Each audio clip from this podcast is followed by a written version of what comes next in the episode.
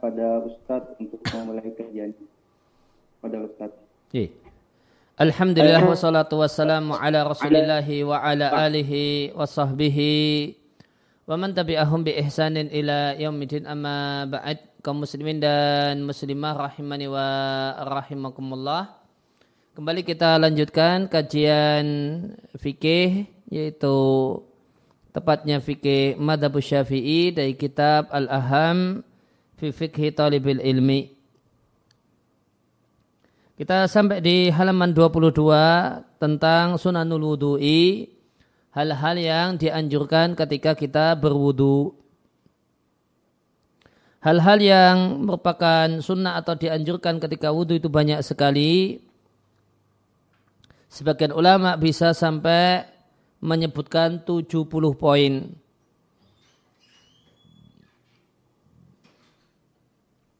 Dari sekian banyak sampai 70 poin tersebut di antaranya adalah sebagai berikut. Yang pertama adalah sunnah-sunnah wudhu sebelum membasuh wajah. Yang pertama melafalkan niat hmm, melafalkan niat mau, uh, mau melakukan sunnah-sunnah wudhu dengan mengucapkan nawaitu sunanal wudhu'i Aku berniat untuk melakukan hal-hal yang sunnah, hal-hal yang dianjurkan dalam wudhu. Ya, namun eh, di sini kita jumpai bahasanya ini hukumnya sunnah, tidak wajib. Bukan sebuah keharusan. Demikian juga melafalkan niat untuk berwudhu itu hukumnya dalam madhab syafi'i dianjurkan dan bukan sebuah kewajiban. Artinya ya, wudhu tetap sah, ya, meskipun tidak tanpa membaca atau tanpa melafalkan niat. Karena dengan sepakat para ulama ya, yang namanya niat itu tolak ukurnya adalah apa yang ada di hati. Kemudian yang kedua adalah atas miatu mengucapkan bismillah wa ta'awudhu dan berta'awud dan tasmiyah minimalnya bismillahi wa akmaluha sedangkan yang sempurna adalah membaca a'udzubillahi minasyaitonirrajim bismillahirrahmanirrahim. Kemudian dilanjut ini masih bagian dari ta'awud. Rabbi a'udzubika min hamazati syayatin. Wa a'udzubika rabbi ayahdurun Wahai Rabbku aku berlindung kepadamu dari godaan-godaan setan dan aku berlindung kepadamu wahai Rabbku, wahai Tuhanku. Aku berlindung jangan sampai berlindung supaya setan tidak hadir membersamaiku. Ya, maka dianjurkan ta'awud kalau dilihat dari urutannya maka ya ta'awud dan basmalah. Ya, dan redaksi ta'awud yang terkenal adalah a'udzubillahi minasyaitonirrajim. rajim Aku berlindung kepada Allah dari godaan dan gangguan setan yang terkutuk. Kemudian yang ketiga, dan ini sebelum membasuh wajah, dianjurkan untuk bersiwak. Wayusanu dan dianjurkan bersiwaknya bil arak dengan kayu arak munadda bil ma yang dibasahi dengan air. Kemudian dipegang dengan menggunakan tangan kanan. Kemudian di sini disampaikan dianjurkan untuk berdoa ketika hendak bersiwak dengan ucapan yang artinya Allahumma bayyid bi asnani ya Allah putihkanlah gigi-gigiku dan kuatkanlah gusiku dan kuatkanlah uh, lahati ya, kuatkanlah uh, mbak.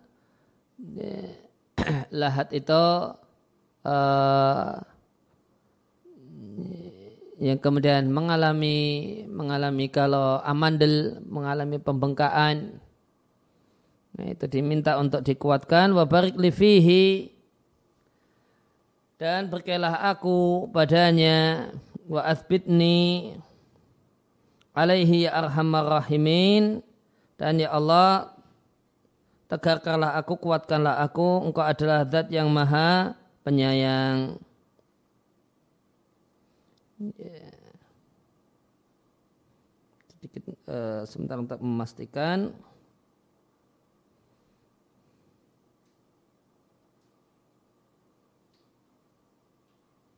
Ya, lahat ya, itu uh, yang tadi lahati adalah daging yang menjorok atau kemudian menghadap alal halqi di menghadap atau berdekatan dengan tenggorokan atau kerongkongan. Kemudian yang keempat adalah membasuh dua telapak tangan ilal ku' sampai ku' ya, yaitu pergelangan ya, ya, ya, pergelangan tangan wa dan dianjurkan dua telapak tangan ini dibasuh ma'an berbarengan wa yakulu indahu dan dianjurkan untuk berdoa ketika membasuh dua telapak tangan tersebut dengan mengucapkan Allahumma ini as'alukal yumna wal barakata. Ya Allah aku memohon kepadamu keberkahan dan keberkahan wa a'udzu bika min syu'mi wal halakati. Ya dan aku berlindung kepadamu ya Allah dari kesialan dan kebinasaan.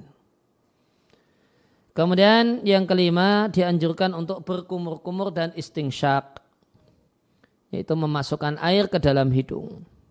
Definisi berkumur-kumur di sini kita lihat definisi Syafi'iyah untuk berkumur-kumur adalah memasukkan air ke dalam mulut. Ya, maka kalau berdasarkan kalimat ini maka tidak ada kewajiban untuk menggerak-gerakkan air di dalam mulut untuk supaya bisa disebut berkumur-kumur. Karena definisinya cuma memasukkan air ke dalam mulut dan tidak ada keharusan untuk mengeluarkannya untuk bisa disebut berkumur-kumur. Definisinya sekedar memasukkan air ke dalam mulut. Sehingga kalau mengacu pada definisi ini seandainya kumur-kumur kemudian airnya ditelan, ya itu ya air dimasukkan kemudian ditelan itu berkumur-kumur. Ah, atau kemudian air dimasukkan kemudian dikeluarkan baik itu dikocok-kocok di dalam mulut ataupun tidak sudah melaksanakan sunnah berkumur-kumur. Dan mengambil air untuk berkumur-kumur disarankan menggunakan tangan kanan dan dianjurkan untuk berdoa Allahumma a'ini ala tilawati kitabik wa kathrati dzikrik lak wa thabbitni bil qawli thabiti fid dunya wal akhirah Ya Allah bantulah aku untuk rajin membaca kitabmu dan banyak berzikir mengingatmu dan teguhkanlah aku dengan perkataan yang teguh. Yang dimaksud perkataan yang teguh adalah kelancaran dalam menjawab pertanyaan malaikat mungkar dan nakir setelah meninggal eh, ketika seorang itu memasuki alam kubur. Ya, teguhkanlah aku dengan ucapan yang teguh di dunia dan di akhirat. Kemudian eh, pengertian istingsak adalah memasukkan air ke dalam hidung. Nah, kalau berdasarkan definisi ini tidak disyaratkan menggunakan napas. Maka bisa dengan napas, dengan air didekatkan ke hidung kemudian disedot. Demikian atau ya, tidak menggunakan napas. Jadi menggunakan tangan. Menggunakan ujung jari. Karena definisinya hanya menyampaikan memasukkan air ke di hidung. Dan istingsak ini dilakukan dengan tangan kanan. Dan ketika anda istingsak dianjurkan untuk mengucapkan Allahumma arihni raihatal jannati. Ya Allah, jadikanlah aku bisa mencium bau surga dalam keadaan engkau ridha kepada aku. Halaman 23. Kemudian yang keenam adalah bersungguh-sungguh dalam berkumur-kumur dan istingsak ketika kondisi tidak berpuasa.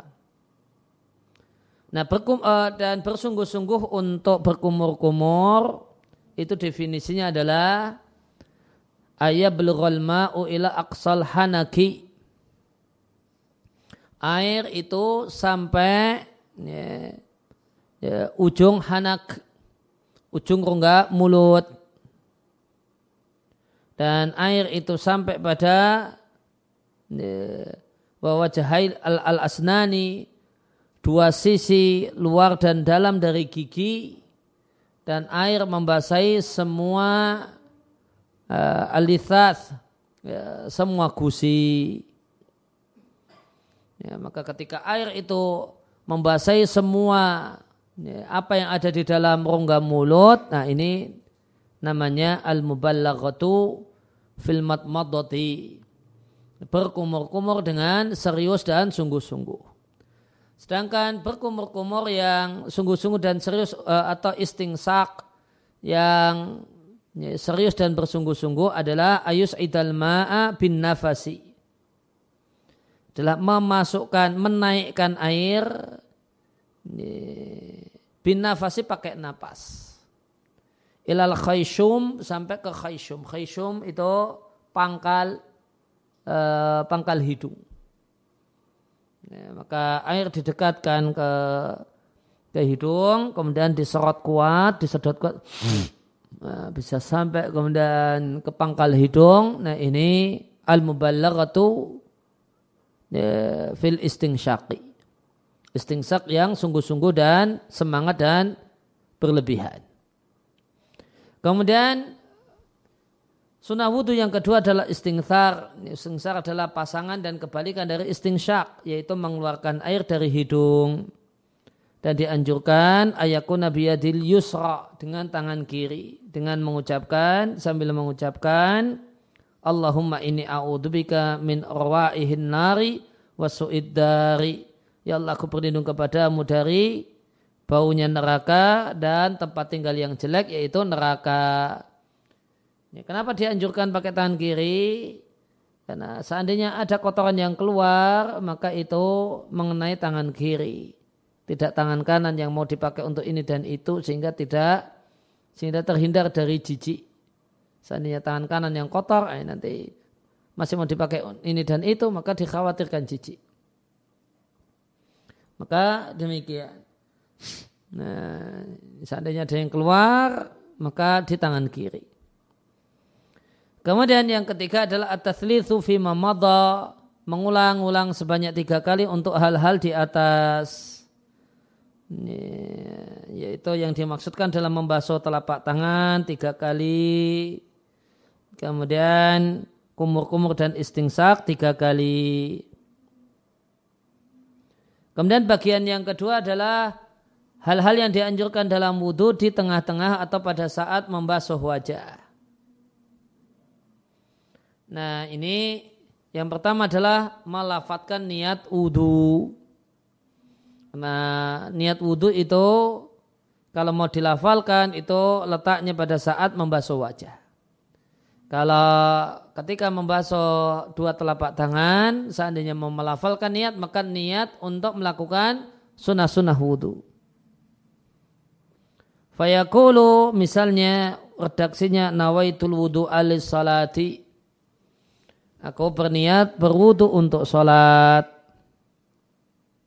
Dan sebagaimana bisa kita lihat di sini, melafalkan niat wudhu itu hukumnya dianjurkan. Dalam madhab syafi'i, itu hukumnya dianjurkan dan bukan sebuah kewajiban sehingga tidak mempengaruhi keabsahan wudhu. Dan ketika itu dianjurkan untuk mengucapkan Allahumma bayid wajahi. Ya Allah putihkanlah wajahku dengan cahayamu pada hari engkau putihkan wajah para kekasihmu dan janganlah engkau hitamkan wajahku dengan bidzulumatika dengan kegelapanmu di hari engkau hitamkan wajah musuh-musuhmu. Kemudian yang kedua, memulai ketika membasuh wajah, memulai min a'lahu dari bagian atas wajah. Ya, maka air wudhu itu dari atas ke bawah, bukan dari bawah ke atas.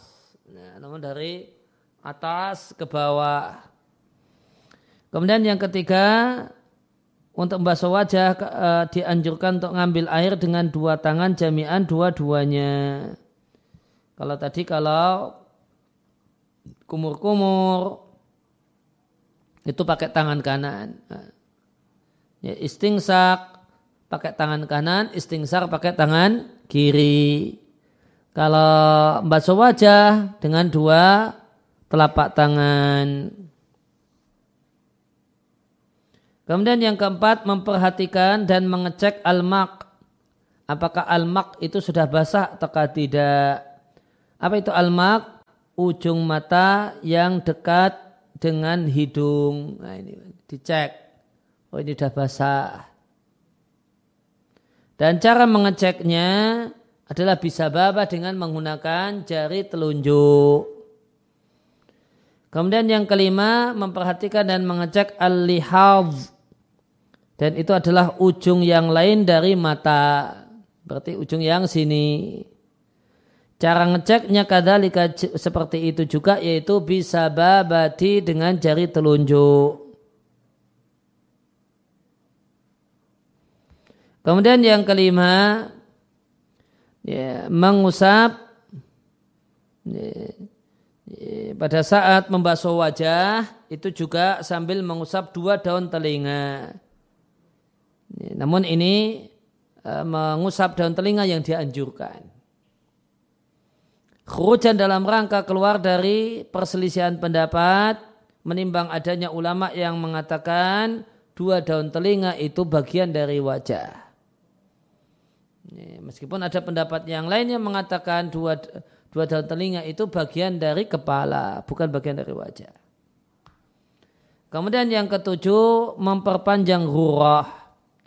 Ya, hurrah adalah cahaya yang akan Allah berikan nanti di padang mahsyar pada wajah orang yang berwudu. Cara memanjangkannya gimana? Dengan ghuslu mazada. Membasuh daerah yang lebih dari batas atau definisi wajah dari semua sisi. Dari semua sisi.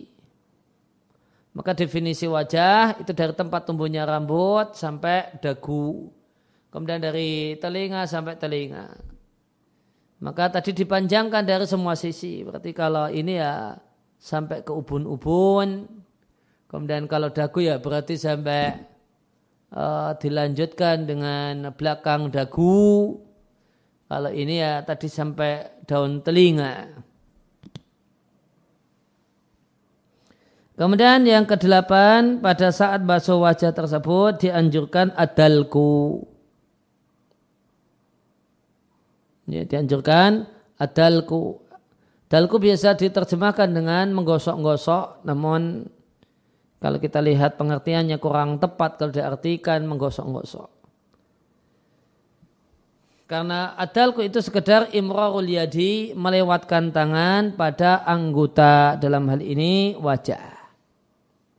Jadi membasuh wajah itu kan bisa pakai misalnya pakai selang disemprotkan air gini. Nah, selang air, nah ini udah disemprot gini. Itu sudah membasuh wajah. Kalau sekedar mensahkan membasuh wajah. Namun kalau mau sempurna diiringi dengan anjuran adalku. Di samping air itu ya, uh, mengenai seluruh wajah, namun juga kemudian sambil tangan itu dilewatkan. Kemudian yang kesembilan adalah menyela-nyelai jenggot yang tebal. Demikian juga dua jambang yang tebal. Caranya wayakunu bi asabi ilyadi dengan menggunakan jari-jari tangan kanan min asfal dari arah bawah birurfatin mustaqillatin dengan uh, cawuan air yang berdiri sendiri. Jadi ngambil air dengan menggunakan apa? Yadil yumna, tangan kanan. Ngambil air dengan tangan kanan, taruh di bawah dagu, kemudian digunakan untuk dengan jari, digunakan untuk menyela nyelai jenggot atau plus jambang jika seorang itu memiliki jambang. Kemudian yang ke-10 at-tatslitsu fima madha. Ya, membasuh wajah diulang sampai tiga kali. Kemudian halaman 24. Bagian yang ketiga adalah hal-hal yang dianjurkan pada saat tengah-tengah membasuh dua tangan. Yang pertama,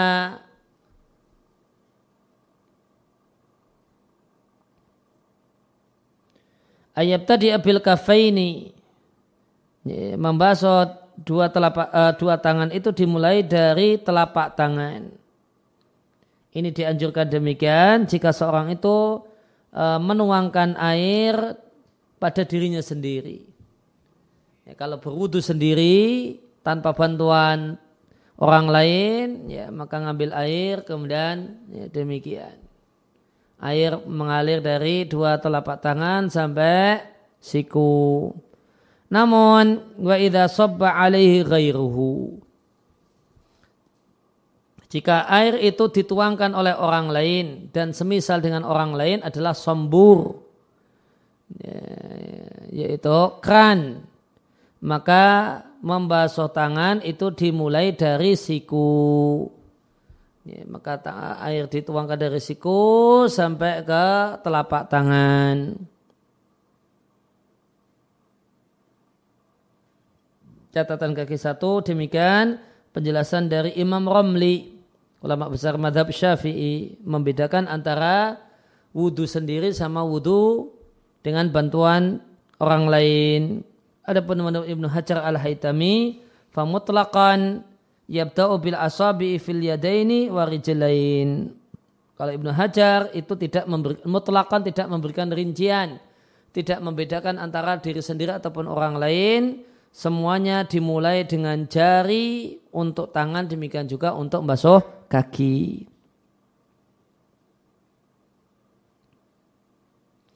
Kemudian wayakulu dan mengatakan ketika membasuh tangan kanan, Ya Allah berikanlah untukku buku catatanku dengan tangan kananku dan masukkanlah aku ke dalam surga tanpa hisab. Dan mengucapkan ketika membasuh tangan kiri, Ya Allah aku berlindung kepadamu jangan sampai engkau berikan kepadaku buku catatan amalku dengan tangan kiri atau dari balik punggung. Kemudian yang ketiga adalah mendahulukan yang kanan. Maka membasuh yang kanan tiga kali sampai selesai baru pindah kiri tiga kali.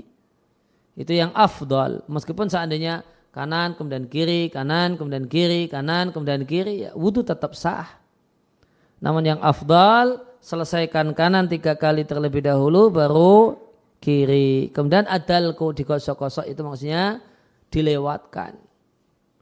Ini ketika basuh tangan kanan maka tangan kiri ikut uh, ikut jalan-jalan. Ketika basuh tangan kiri tangan kanan ikut jalan-jalan. Kemudian yang keempat menyela-nyelai jari-jari yaitu jari-jari tangan berarti bi'ai kaifiatin dengan tata cara apa pun. Namun yang afdol adalah dengan tasbik. Tasbik adalah meletakkan satu jari atau satu jari-jari pada yang lain. Tasbik itu begini. Nah, ini namanya tasbik. Ya, maka menjalannya jari-jari itu bebas mau gini-gini boleh. Ya, atau mau gini-gini. Namun di sini disampaikan yang di Eh, yang terbaik, yang paling dianjurkan adalah gini. Hmm. Kemudian yang kelima, memanjangkan tahjil. Tahjil adalah cahaya yang akan Allah berikan kepada orang yang berwudu, khusus cahaya putih bersinar tadi pada tangan dan kaki. Maka tahjil itu dipanjangkan. Gimana kalau memanjangkan tahjil? maka air ketika membasuh tangan air itu ditambah sampai setengahnya adud lengan atas. Ini tidak hanya sampai siku namun naik sampai setengahnya lengan atas. Bahkan lebih sempurna lagi kalau sampai pundak sampai atas berarti sampai mentok tangan.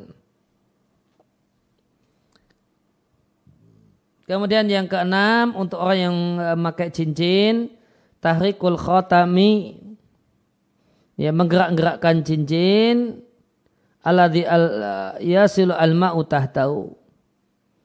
Yang air itu sampai pada di bawahnya cincin ya, maka kalau air itu bisa sampai ke bawahnya cincin meskipun tanpa digerak-gerakkan maka menggerak-gerakkan cincin hukumnya dianjurkan.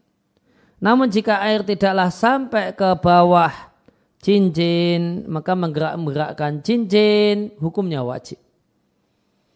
Jadi menggerak-gerakkan cincin, maka cincin di jari manis misalnya, digerak-gerakkan itu hukumnya wajib ataukah sunnah tergantung.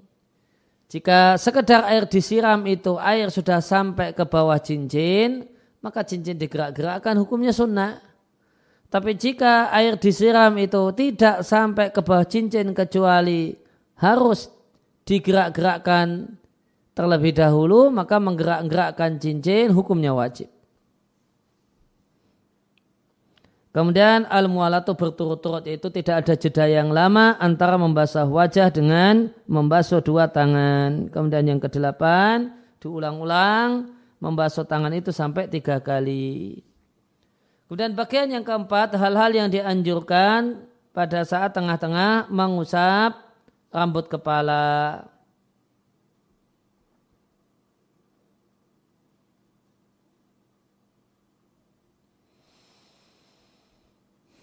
Ya, maka kalau di madhab syafi'i cukup mengusap, sebenarnya cukup kalau cuma ngambil wajibnya, cukup mengusap sebagian rambut kepala. Namun idealnya dianjurkan untuk mengusap seluruh rambut kepala.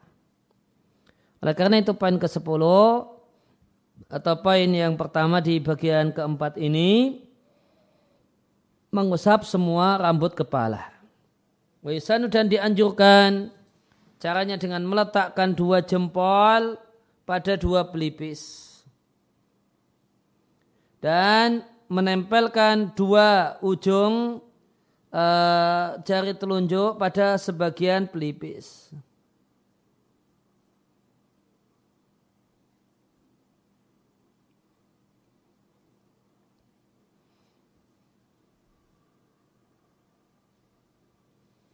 Bayul siku sababata ini ya, dan menempelkan ini jelas di sini ya, dan menempelkan jari telunjuk pada ya, sebagian. Mungkin bukan pelipis namun ya, kening ya.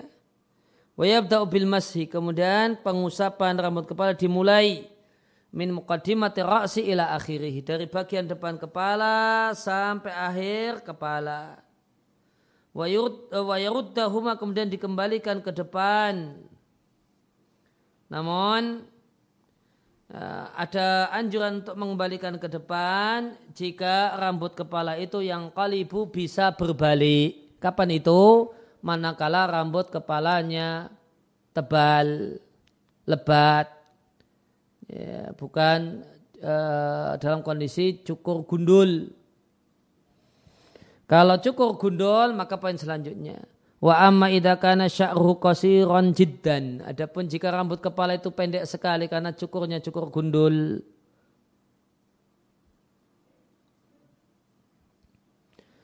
Autawilan atau rambut itu rambut yang panjang semacam rambut wanita maka tidak perlu dikembalikan ke depan. Jadi kalau misalnya laki-laki ya, posisinya pelontos rambut kepalanya itu cukurannya cukuran pelontos ya sudah cuma dari depan ke tengkuk kemudian sudah. Demikian juga untuk perempuan. Dari depan sampai ke tengkuk rambutnya panjang sampai ke pantat atau ke ini punggung maka cukup demikian. Itu sudah melakukan hal yang dianjurkan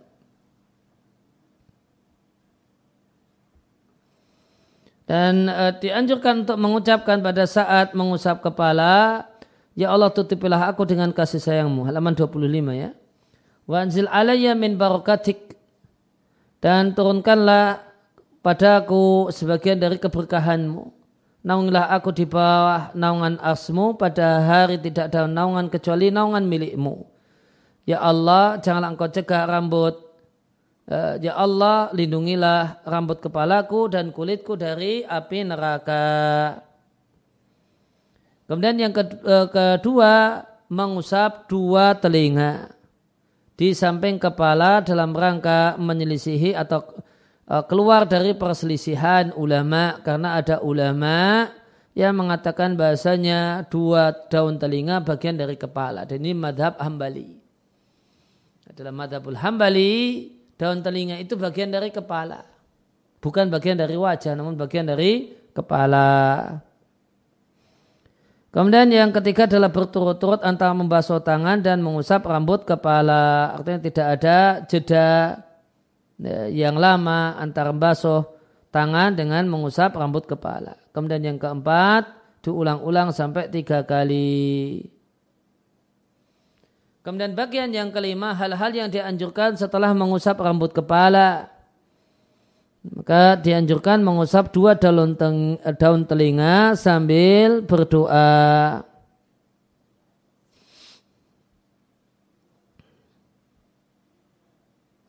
Allahumma ja'alni minal ladina istami'una al-qawla fattabi'una ahsanah. Ya jadikan aku bagian dari orang-orang yang suka mendengarkan perkataan kemudian mengikuti perkataan yang terbaik. Ya Allah perdengarkanlah aku orang yang menyeru ke surga penyeru surga di dalam surga bersama orang-orang yang baik. Aku berlindung kepadamu dari neraka dan suidar dan tempat tinggal yang jelek yaitu neraka.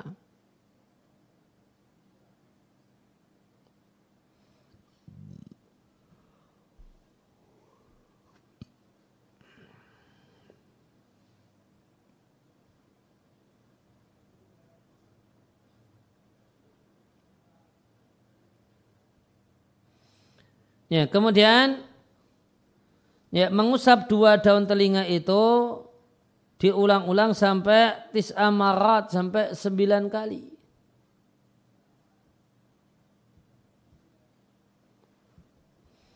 Salasan e, tiga kali istiqlalan mandiri atau independen bimain jadi dengan air baru bukan air sisa mengusap rambut kepala namun ngambil air baru Caranya dilewatkanlah dua musabihah. Musabihah itu jari telunjuk pada lekuk-lekuk daun telinga. Sedangkan dua jempol dilewatkan pada bagian luar telinga. Ya. Maka demikian. Ya, ini tiga kali. Kemudian tiga kali untuk ini untuk lubang telinga dengan air baru. Kadalika demikian juga dengan cara memasukkan dua jari telunjuk pada dua lubang telinga. Catatan kaki namun sebagian ulama syafi'ah mengatakan yang dimasukkan ke untuk lubang telinga itu bukan telunjuk namun Yeah. Yeah. Namun dengan uh, khinsar ini jari manis, ya, dengan jari manis.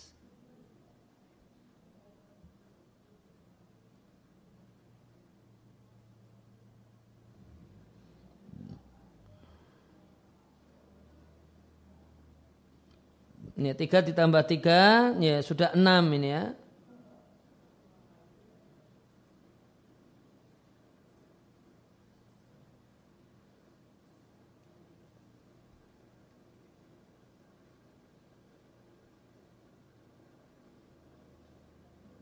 Ya simakul udun ya, itu saluran telinga sisi luar yang nanti akan sampai ke gendang telinga.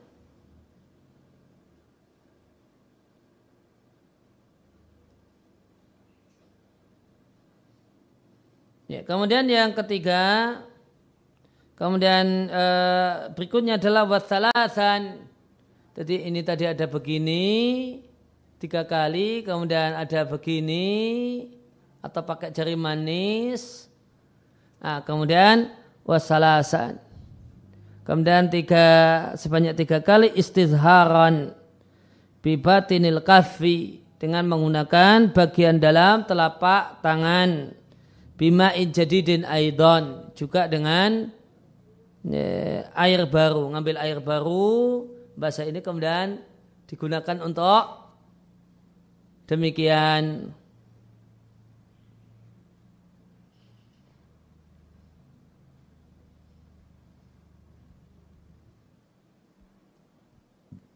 Ya, kemudian yang kedua adalah mengusap tengkuk. Ini dianjurkan menurut sejumlah ulama Al-Ghazali, Al-Baghawi dan Ar-Rafi'i. Yusanu dan Yusan dianjurkan dengan mengangkat tangan kanan. Wayakulu sambil mengucapkan ketika itu, Ya Allah bebaskanlah tengkukku dari neraka dan aku berlindung kepadamu dari salasil, dari rantai, wal aghlal dan belenggu.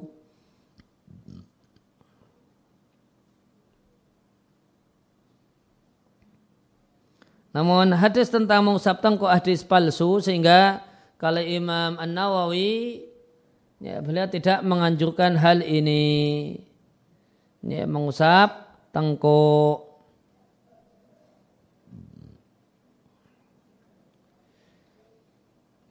Ya, kemudian yang bagian yang keenam hal-hal yang dianjurkan fi asna'i ghusli rijli di tengah-tengah proses membasuh kaki.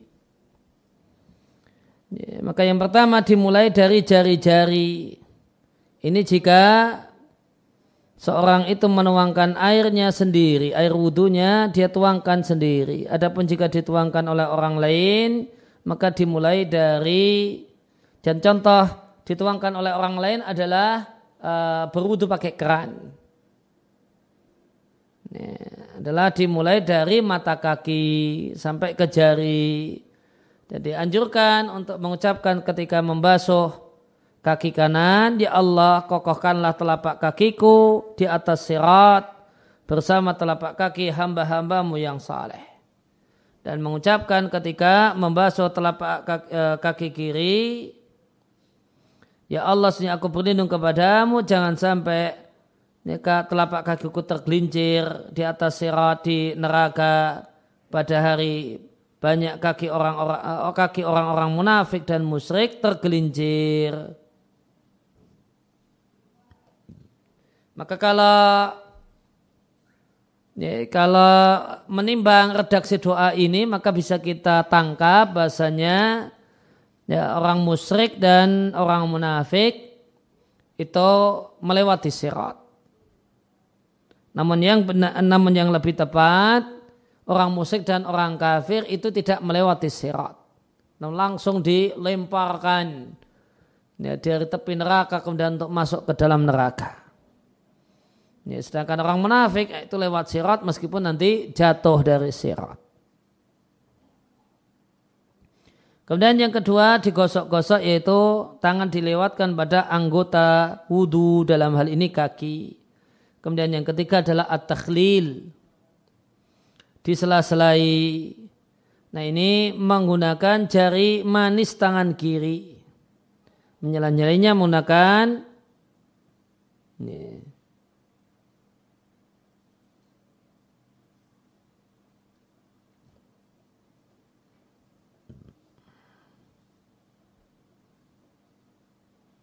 Sebentar.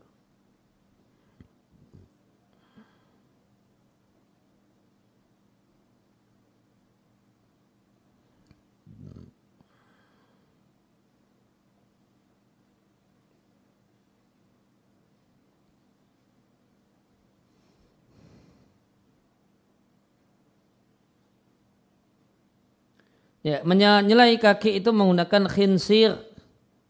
Ar, uh, khinsir uh, menggunakan khinsir uh, maaf khinsir bukan jari manis namun jari kelingking. Aliyadil yusra tangan kiri. Mubtadian dimulai dari kelingking kaki kanan sampai kelingking kaki kiri disela-selai minal asfal dari arah bawah.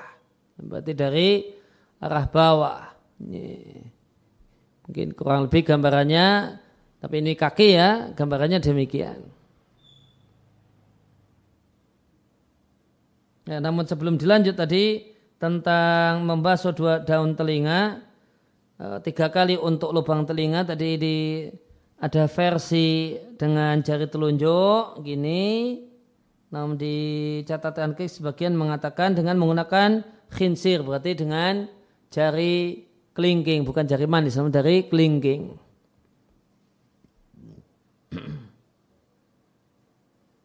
ya kemudian mendahulukan yang kanan dengan memulai dari eh, kaki kanan tiga kali baru kemudian kaki kiri tiga kali. Yang kelima memanjangkan tahjil. Dan tahjil adalah eh, cahaya putih yang Allah berikan pada tangan dan kaki orang yang berwudu. Cara memanjangkannya ya, air uh, itu tidak hanya sampai mata kaki namun sampai setengah betis bahkan yang paling afdal, yang paling sempurna sampai lutut. Kemudian yang keenam alum balaghatu bersungguh-sungguh membasuh akib, membasuh tumit, memastikan kalau tumit itu basah bahkan bersungguh-sungguh dibasuh, disiram air. Ya, membasuh itu ya, bebas-bebasnya nyiram air. Kemudian yang ketujuh adalah berturut-turut, yaitu tidak ada jarak yang lama antara mengusap rambut kepala dengan membasuh dua kaki. Yang ketiga adalah diulang-ulang sampai tiga kali untuk basuhan ya, kaki ini.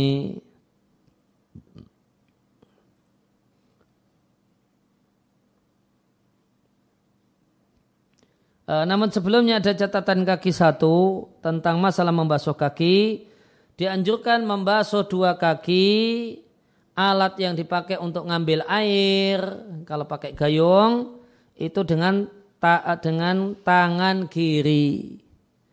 Jadi kalau pakai gayung ya, pakai tangan kiri nah, dan disiramkan ke kaki kanan dan kaki kiri sebagaimana di Tufatul Muhtaj. Kemudian selanjutnya catatan kaki dua tentang mengulang mengulang-ulang sampai tiga kali.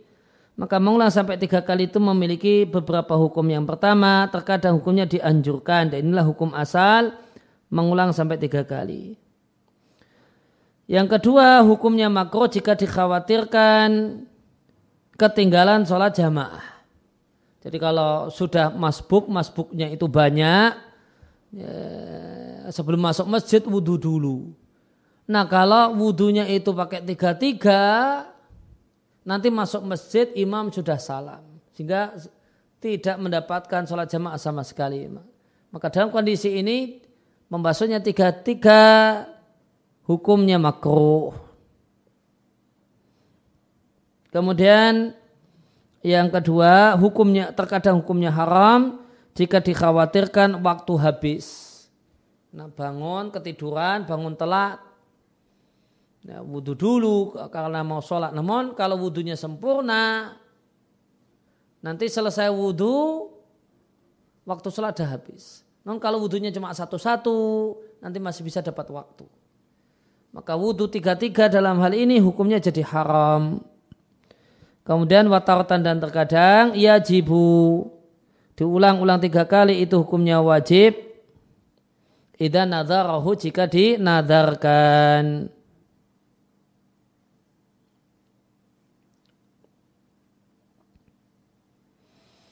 Kemudian bagian yang ketujuh adalah hal-hal yang dianjurkan ba'dal farahi minal wudu'i setelah selesai berwudu.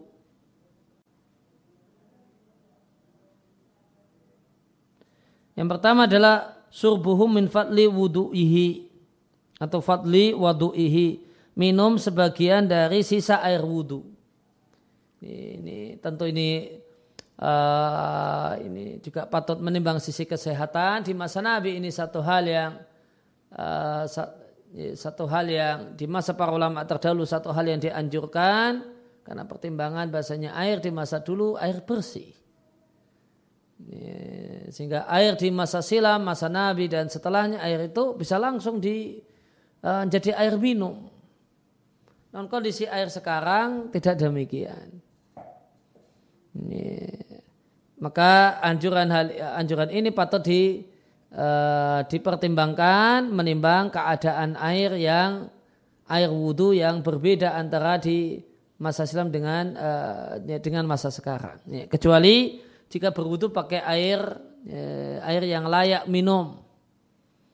Ya, karena saat musafir ya, wudhunya pakai air aqua misalnya air kemasan ya, ya, maka bisa di, di, bisa melaksanakan hal yang dianjurkan ini. warasi izarihi bihi dan memerciki sarungnya bihi dengan sisa air wudhu. Catatan kaki tiga, Ida intawahama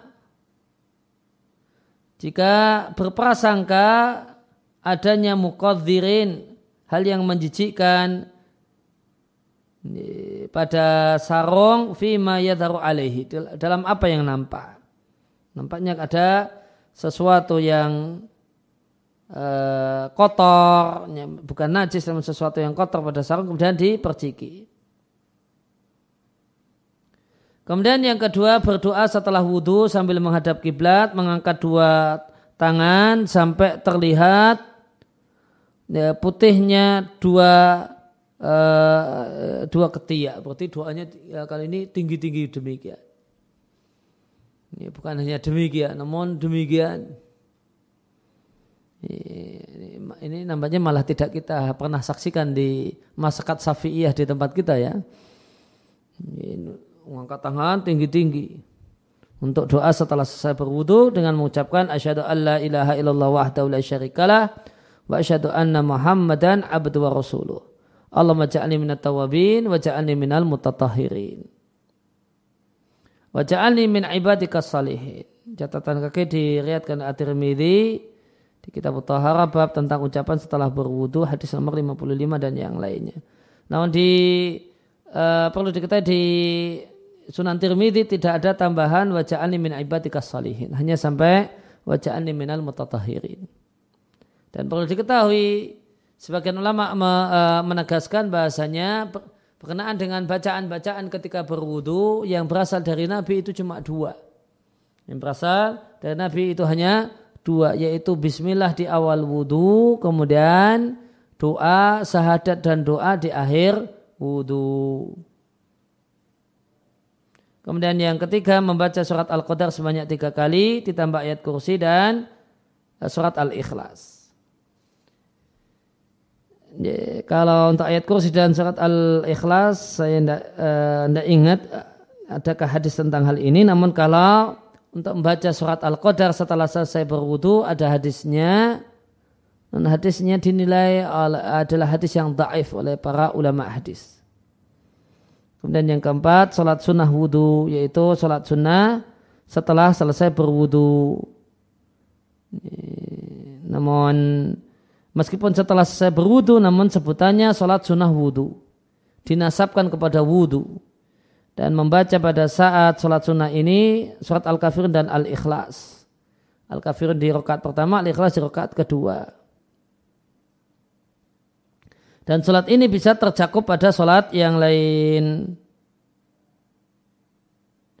Jadi misalnya uh, tahiyatul masjid, uh, sudah sekalian niat uh, sholat habis wudhu, tidak mengapa, habis wudhu masuk masjid.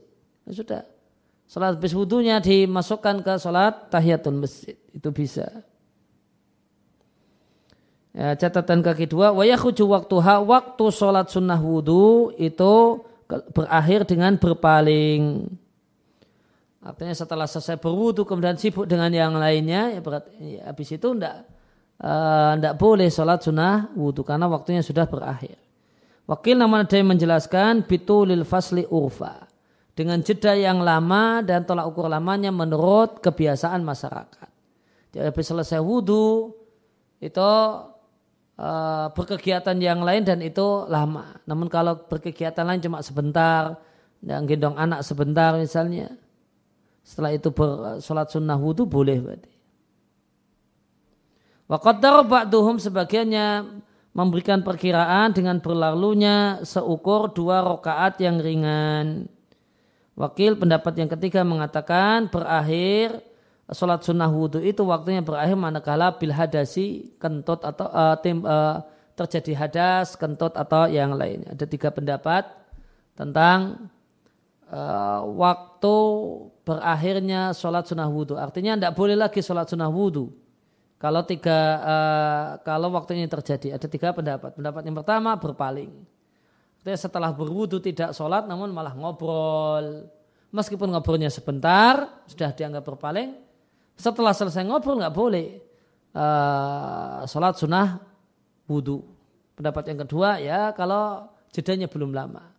Kalau ada kegiatan yang lain namun jedanya belum lama masih bisa sholat sunnah wudhu. Kemudian yang ketiga ya, waktunya itu dinilai habis manakala terjadi hadas. Ya demikian yang kita kaji sembatan malam hari ini tentang uh, sunnah-sunnah wudhu. Ya, mudah-mudahan bermanfaat untuk saya pribadi dan bapak dan ibu sekalian. Wassalamualaikum ala nabiyina Muhammadin wa.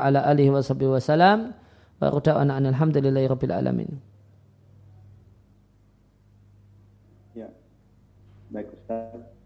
Uh, para peserta kajian online Eh, sekarang tiba saatnya kita memasuki sesi tanya jawab. Silakan bagi peserta yang ingin mengajukan pertanyaan bisa dituliskan di kolom chat atau menuliskan WA ke nomor 0811 40 14 77. Sambil menunggu pertanyaan yang masuk, kita bacakan pertanyaan sebelumnya Ustaz. Ya, silahkan. Uh, Assalamualaikum Ustaz. Waalaikumsalam warahmatullahi. Saya pernah membaca bahwa tidak ada sholat tanpa wudhu dan tidak ada wudhu tanpa ucapan Bismillah. Mohon penjelasannya Ustaz. Dan bagaimana bila kita berwudhu di kamar mandi, bolehkah kita mem Bolehkah kita membaca Bismillah di kamar mandi Ustaz? Oh iya. uh, yang pertama tentang hadis tidak ada sholat tanpa berwudu. Artinya sholat itu tidak sah ya, jika dalam keadaan berhadas. Kalau orang tidak punya wudu alias hadas, kemudian mengerjakan sholat, ya, maka jika tidak sengaja, ya maka tetap ya, sholatnya tidak bernilai, wajib diulangi. Namun tidak berdosa karena tidak sengaja lupa kalau kondisinya hadas. Namun jika sengaja bahaya. Lebih berbahaya lagi. Karena orang yang secara sengaja sholat dalam keadaan hadas tidak punya wudhu itu batal imannya menurut al-imam Abu Hanifah. Karena dianggap mengejek sholat dan main-main uh, dengan sholat. Kemudian kalimat dan tidak ada wudhu kecuali dengan menyebut Bismillah. Ya, dengan menyebut nama Allah ini dalil dianjurkan. Ya, namun uh, kalimat ini dimaknai oleh para ulama atau oleh mayoritas para ulama dengan anjuran. Dianjurkan Bismillah di awal wudhu. Jadi uh, simpulan hukumnya berbeda. Kenapa tidak disimpulkan? Uh, namun kalau dalam madhab hambali, Bismillah ketika di awal wudhu hukumnya wajib. Wajib ketika ingat. Ya, tapi kalau mayoritas para ulama di antaranya adalah tiga madhab yang lain selain hambali, ya, uh, Bismillah di awal wudhu hukumnya dianjurkan, tidak wajib. Kemudian yang kedua tentang Bismillah di kamar mandi, maka eh, Bismillah di kamar mandi insya Allah tidak mengapa. Terutama kamar mandi dalam pengertian toilet yang najis itu tidak ada di situ. Ya, namun sudah berlalu pergi ke septic tank. Itu uh, lebih ringan untuk uh, lebih ringan ya, tidak begitu bermasalah mengucapkan bismillah saat wudhu di kamar mandi. Yang jadi problem kalau kamar mandi itu adalah jamban sebagaimana uh, toilet uh, di masa silam. Ini, sebagaimana keadaan uh, sejenis toilet di masa Nabi. Yaitu orang buang air dan najisnya di situ. Nah, najisnya di situ.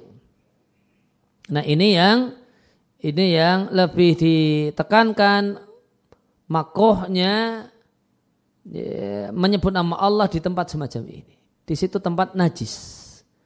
Tapi jika setelah kencing air disiram kemudian pergi ke uh, najisnya sudah pergi ke septic tank, septic tanknya tidak di bawah, eh, tidak kemudian di bawah kamar mandi namun ada uh, sekian meter, 5 meter atau 10 meter dari uh, lokasi kamar mandi tersebut, maka itu lebih ringan. Insya Allah tidak mengapa. Nah, ada yang lain? Baik, Ustaz. Uh, pertanyaan selanjutnya, Ustaz. Uh, apakah kita diwajibkan berwudu sebelum membaca Al-Quran, Ustaz? Membaca Al-Quran ada dua macam. Membaca Al-Quran dengan hafalan dan membaca Al-Quran dengan memegang mushaf. Ya, atau eh, atau dibagi tiga aja biar lebih detail dengan hafalan, dengan memegang sesuatu bukan mushaf. Kemudian yang ketiga memegang sesuatu dan itu mushaf. Kalau dengan hafalan maka hukumnya boleh tanpa tidak harus berwudu terlebih dahulu. Dalilnya kebiasaan Nabi bangun tidur, maka beliau duduk, kemudian membaca 10 ayat terakhir dari surat Ali Imran. Habis tidur. Habis tidur berarti tidak punya wudhu. Nabi membaca 10 ayat. Ini menunjukkan kalau baca Al-Quran dengan hafalan tidak harus berwudhu terlebih dahulu. Tidak harus dalam keadaan punya wudhu. Kemudian yang kedua adalah memegang sesuatu namun bukan mushaf. Baca Al-Quran memegang sesuatu bukan mushaf. Contohnya adalah uh, aplikasi Al-Quran di HP Android. Itu statusnya bukan mushaf. Hmm. Maka jika bukan mushaf, ya, baca Al-Quran dengan memegang sesuatu yang bukan mushaf boleh tanpa dalam tanpa kondisi berwudu. Tanpa kondisi berwudu boleh. Ya, namun berwudu lebih baik. Yang ketiga, kalau dengan memegang sesuatu dan sesuatu itu mushaf, semacam mushaf fisik yang isinya adalah eh, Al-Quran atau Al-Quran yang lebih banyak daripada yang lainnya, ya, maka yang benar sebagaimana pendapat mayoritas para ulama wajib dalam keadaan punya wudhu. Nah, ada yang lain? Pertanyaan selanjutnya Ustaz. Okay.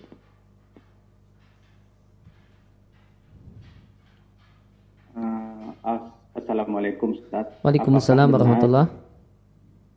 Apakah benar kita dianjurkan berwudu dengan menghemat air dan bagaimanakah caranya Ustaz? Ya, kita dianjurkan untuk berwudu dengan menghemat air satu hal yang betul. Nabi katakan, e, Nabi perintahkan kita untuk hemat air ketika berwudu meskipun kita berwudu di sungai yang mengalir. Demikian kata Nabi. Ada hadis yang menyampaikan demikian. Maka dalam kondisi kita berwudu di air yang e, sungai itu dianjurkan untuk hmm, e, untuk menghemat air maka lebih-lebih di tempat yang lainnya. Ya, gimana caranya? Ya kalau kita wudhunya pakai e, keran maka keran jangan dibuka lebar-lebar, namun secukupnya. Ya, dan jika jika aktivitas setelah kita buka keran itu e, setelah ngambil air dari keran itu aktivitasnya agak lama bisa ditutup terlebih dahulu. Misalnya kita mau mengambil yang afdol dalam mengusap rambut kepala. Dari depan sampai belakang balik lagi. Ini cukup lama. Maka ngambil air, ya, ngambil air dari kan kemudian kerannya ditutup. Kemudian mengusap rambut kepala. Nanti buka lagi seperlunya tidak harus uh, dibuka penuh. Kemudian dipakai uh, kemudian mengusap rambut kepala. Kemudian berikutnya sebanyak uh, sampai genap tiga kali. Itu di antara bentuk menghemat air ketika kita berwudu. Ini. Selanjutnya. Selanjutnya.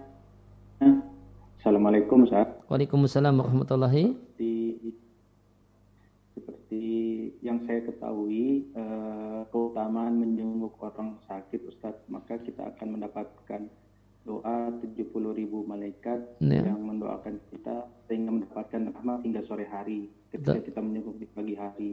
Iya. Begitu pula ketika menyebut di sore hari maka akan didoakan hingga pagi hari tiba. Ya. Nah, mana dengan aktivitas uh, dokter yang kesehariannya uh, visit pasien Ustaz, apakah bisa mendapatkan keutamaan tersebut Ustaz? Sangat bisa sekali. Ini uh, amal solehnya dokter yang uh, yang visit pasien setiap hari.